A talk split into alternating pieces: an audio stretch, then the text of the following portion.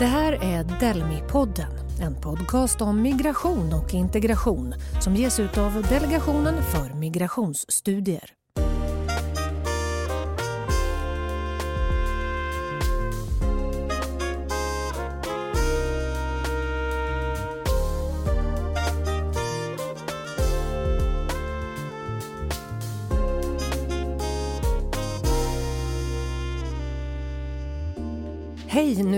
Delmi-podden tillbaka.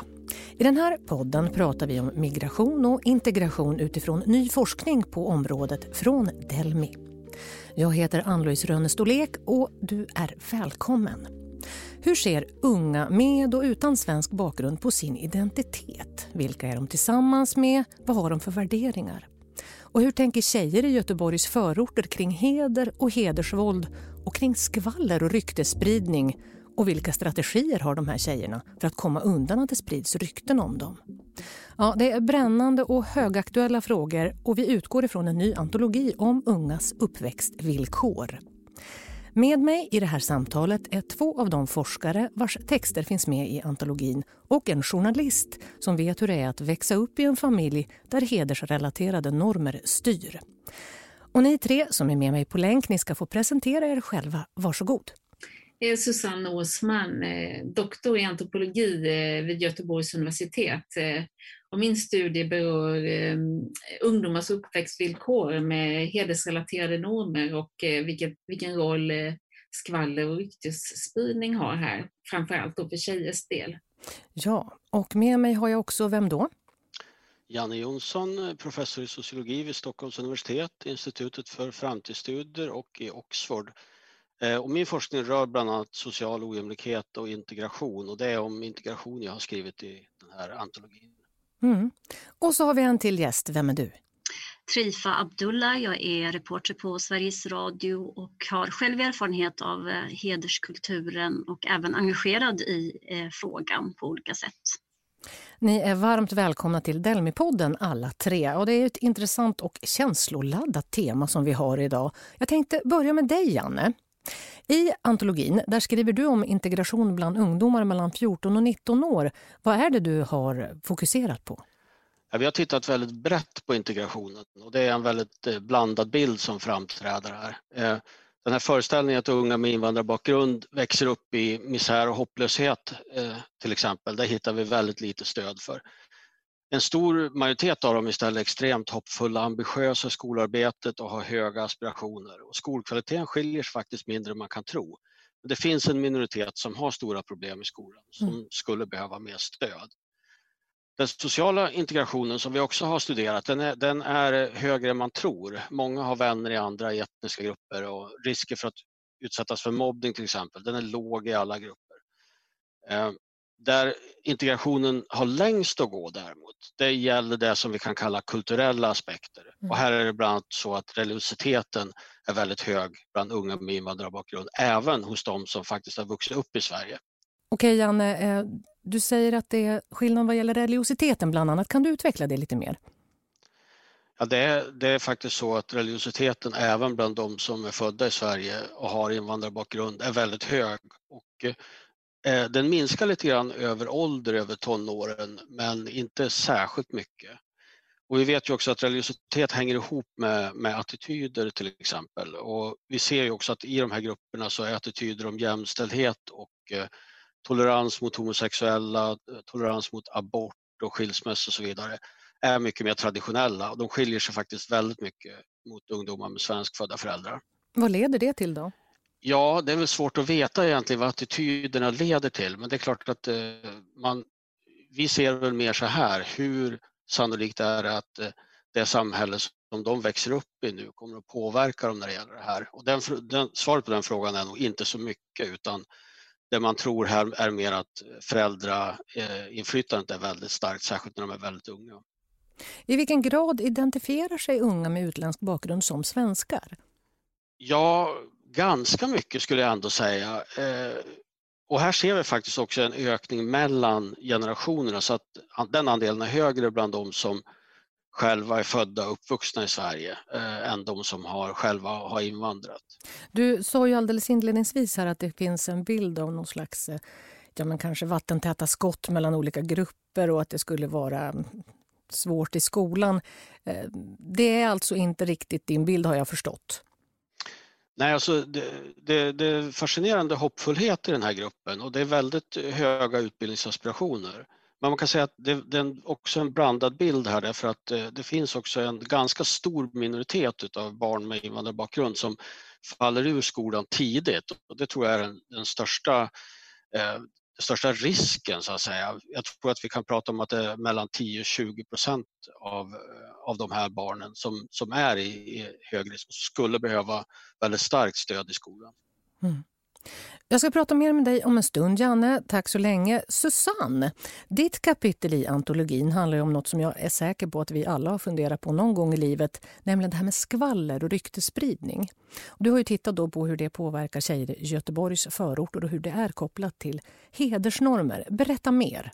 Ja, som jag nämnde lite kort tidigare då, så, så är fokus i min studie hedersrelaterad norm och förtryck i förhållande till skvaller och ryktesspridning och vilken roll det här spelar då för ungdomars uppväxtvillkor.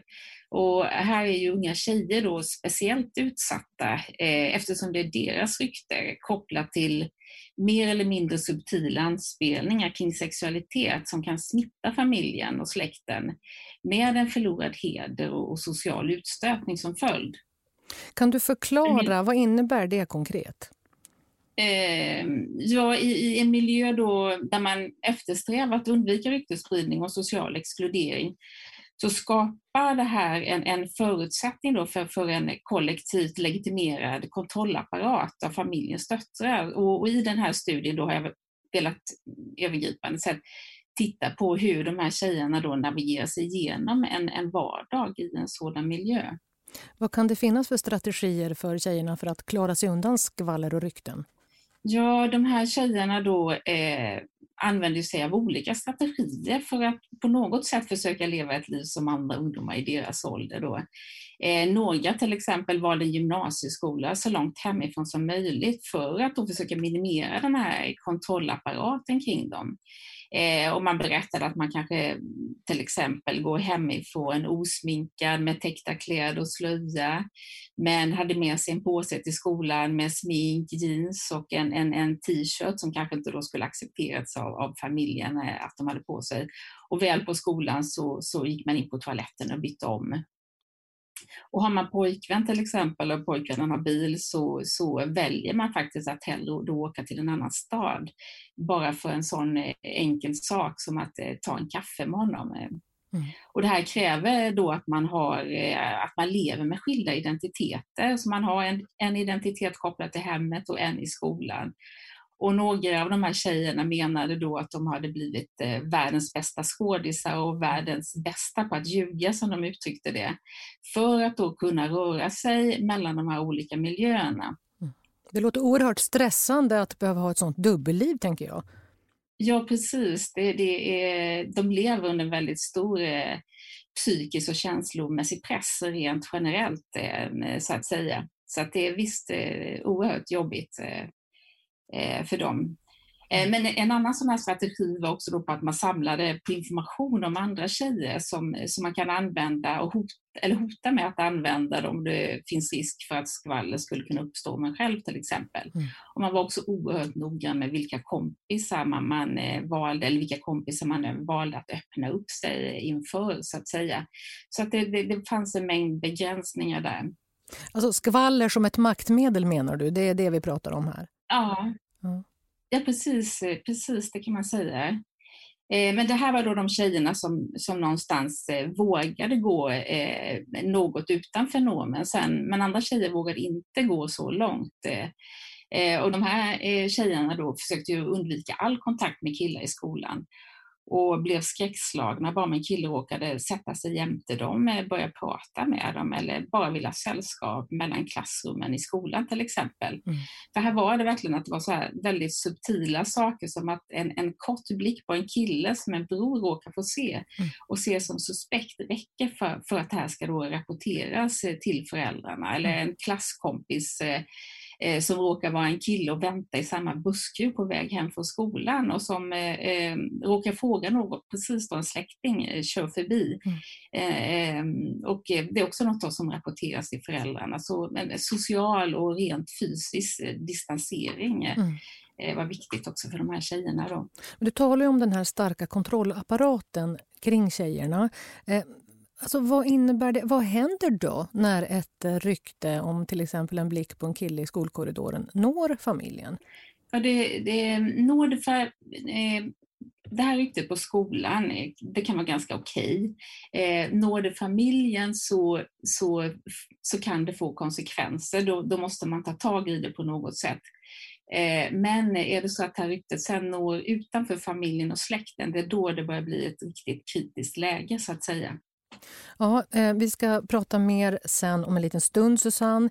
Eh, Trifa, eh, det du har hört så här långt, det är ju som sagt ett, ett svårt ämne det här. Hur ska man prata om det på ett vettigt sätt? Hur närmar man sig den här frågan tycker du? Mm. Jag tycker ju att eh, att man ska prata med eh, de personer som är drabbade och inte så mycket om, vilket har varit eh, legio ganska länge. Eh, som till exempel det Susanne gör, som jag förstått det, har hon pratat med de här ungdomarna. Mm. Det tycker jag är rätt väg att gå, för det, jag tror också att det är där lite av lösningarna kan finnas. Så det, det tror jag är det man ska ha med sig. För jag tror att annars kan man bara spekulera i saker och ting. Ehm, kanske göra det värre eller försköna det beroende på vem man är som uttalar sig. Men ta reda på hur det egentligen ligger till genom att prata med de drabbade. För, för det gör vi alltid annars i andra mm. frågor helt enkelt. När du och jag förberedde det här samtalet då sa du att hedersfrågan är liksom trendig just nu i media. Hur menar du då? Ja, jag menade att det har ju fullkomligt exploderat. Eh, nu, det kommer ju ut i alla kanaler. Alla ska på något sätt fästa sina, sitt namn på, på det här problemet och göra någonting av det. Eh, och, och det, det tycker jag är lite farligt också, eh, lite kontraproduktivt därför att trender kommer och går. Mm. Eh, men det här problemet är ju så djupt rotad och väldigt um, stort och eh, smärtsamt för många. Så därför är jag lite orolig för den här trenden där, där man ska belysa det här i, i filmer och serier och mm. debattartiklar och allt möjligt.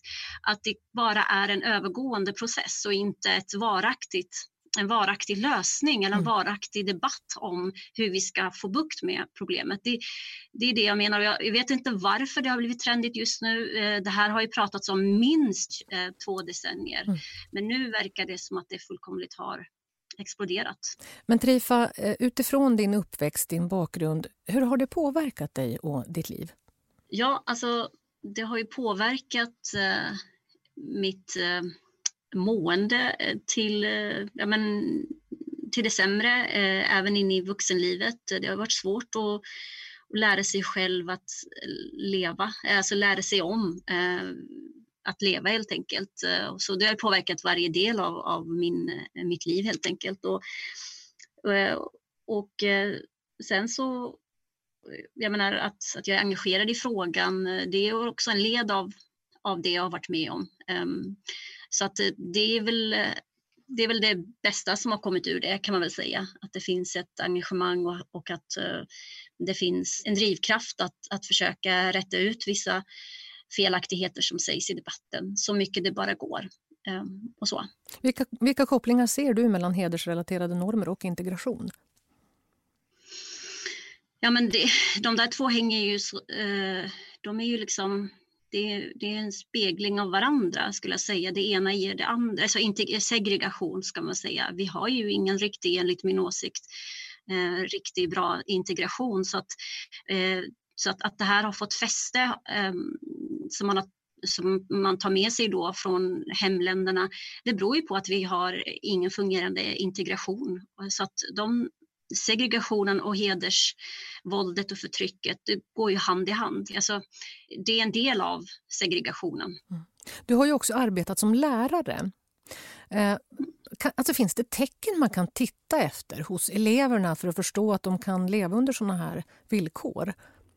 Mm. Alltså jag tycker det var intressant det Susanne eh, tog upp också med att tjejerna till exempel byter, vissa gör det, gör den lilla revolten i sin vardag. Mm. Jag menar, det kan man ju skönja som lärare och skolpersonal. Det finns ju, eh, det man inte får glömma det är ju att hedersförtrycket eh, det, finns, det, det, är ett helt, det är en hel skala, det är ett helt spektrum så det är inte alla som mördar sina döttrar eller kus, kvinnliga kusiner eller för den delen med sina söner eller så. Eh, eller är så att de, att de eh, kontrollerar dem dygnet runt. Det finns och den, den, det är en betydande del. Mm. Det finns allt från att man inte får klä sig som man vill till att man inte bara får ha killkompisar till att man gifts bort. Så det, det, är hela, så det är svårt att säga exakt vilka tecken man, man ska titta på. Jag, jag själv försökte använda liksom, relationsskapandet som en del att komma mm. närmare mina elever för att veta hur, hur det står till med den saken. Och mm. det tror jag är väldigt viktigt för får man förtroende från sina, sina elever så blir ju, kan ju läraren vara många gånger en räddning och en ventil då kan, får man ju också reda på från hästens mun så att säga vad, vad, om, om, om man är drabbad av det här. För att man, precis som Susanne också nämnde så är man ju, man är ju bästa skådespelaren. Mm. Alltså, man kan, för det här är inga saker man lättvindigt pratar om. Eh, man vill ju ge sken av att man är normal, en vanlig tjej eller mm. kille. Eh, så att det är ingenting man, man går och liksom skylta med. Man gör ju allt för att dölja det. Så att, mm. Men det finns ju i värsta fall kan det finnas tecken på att om det är föräldrarna som lägger sig i mycket i hur eh, ja, vad barnen får göra eh, eller inte får göra, att de, att de talar om det för skolledning eller, eller lärare. Eh, till exempel när det gäller att simma eller att följa med på utflykter. Det gjorde mina föräldrar till exempel. Eh, eller eh, alltså att de kollar när de slutar, att man, de blir hämtade de där tecknen är ju ganska explicita, men det finns ju också sådana som inte gör så, men där, där problemet ändå finns så att säga, i familjen. Men eh, att våga gå nära, så att säga, att odla relationerna, det tycker du är bra? Det tycker jag är bra mm. i, i alla fall, mm. även de som man ser. Det är ja. för att jag tror, för många är läraren är ju väldigt viktig för att kunna också bara få hämta tröst hos, om man nu vill ge den trösten, vill säga, mm. som lärare. Susanne, jag tänkte i den här skolmiljön som du beskrev, vilken del av skolpersonalen är det som får ta mest? så att säga? Alltså kuratorerna exempelvis, vilken roll har de? Eh, ja, ja, det jag såg i den här studien då var att eh, kuratorerna på skolorna var oerhört viktiga för de här tjejerna. Eh, de fanns där tillgängliga på plats och någon som tjejerna då kan prata öppet med, någon som vet om deras problematik och vet om den situation de lever i så att säga. Och eh, det verkade vara någon som de vände sig till för att, som de kunde prata helt öppet med. Det, som till exempel det här med att man hade haft sex och eh, förlorat sin oskuld och, och den skräck man verkligen eh, verkar uppleva efter det här mm. kring de, de konsekvenser som det här kunde få med sig. Så det, där fanns kurat, kuratorerna då eh, som en person att, att prata med. Eh, och sen var kuratorn också en oerhört viktig person för att medla vid alla de konflikter och faktiskt regelrätta slagsmål eh, som uppstod eh, mellan tjejerna på skolan på grund av skvaller och rykten som, som förekom. Så det handlar om att eh, mäkla fred alltså? Ja, hon fick mäkla fred och, och finnas med där för att arrangera eh, för, för de här, den här medlingen var tvungen att ske officiellt, liksom, så alla som var involverade på något sätt i den här skvaller och ryktesspridningen då skulle finnas med och där skulle då en person dementera de här ryktena för att det, det skulle lugna ner sig så att säga. Så, så kuratorerna var verkligen oerhört viktiga då. Mm. Janne, vad tänker du på nu när du hör det som eh, eh Susanne och Trifa säger?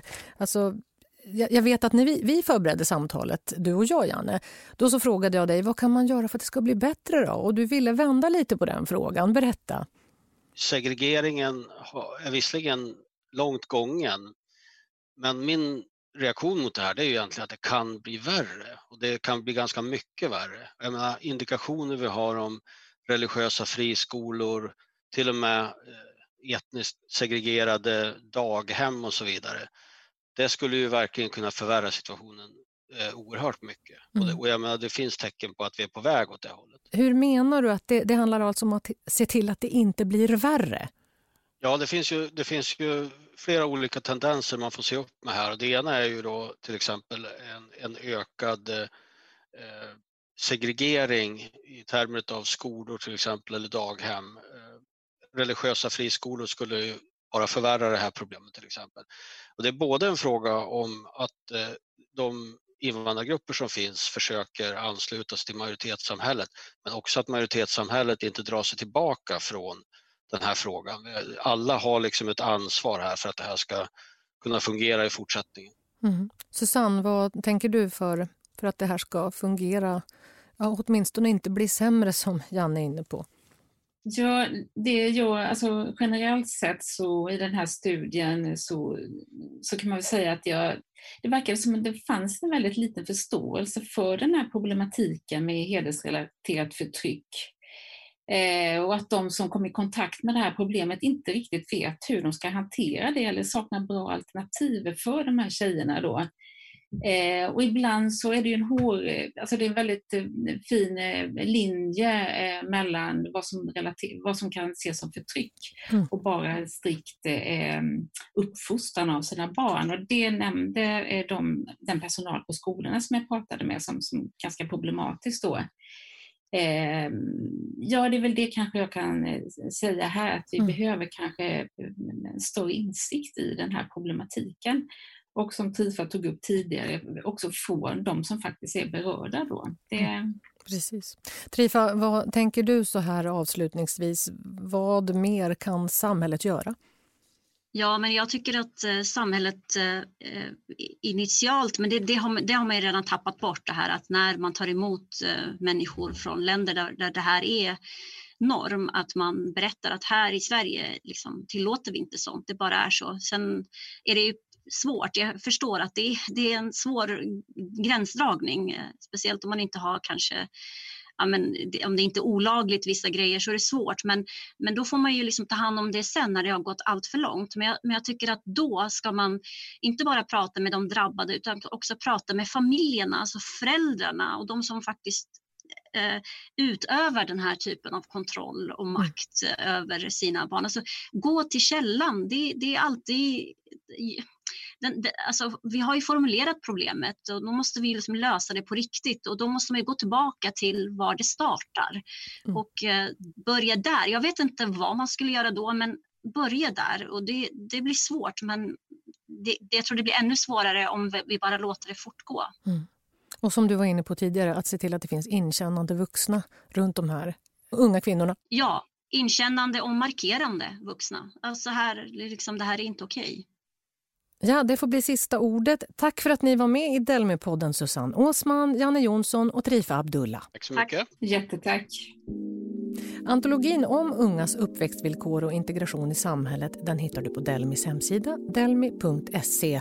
Gå in och läs den. Och vi från Delmi-podden vill tacka för all fin respons vi har fått. Det är roligt att de här frågorna intresserar er lyssnare och vi ska försöka fortsätta att vara aktuella och angelägna. I nästa avsnitt då kommer vi att prata om migranters möte med svensk hälso och sjukvård. På återhörande nästa gång. Tack för att du lyssnade. Hej så länge.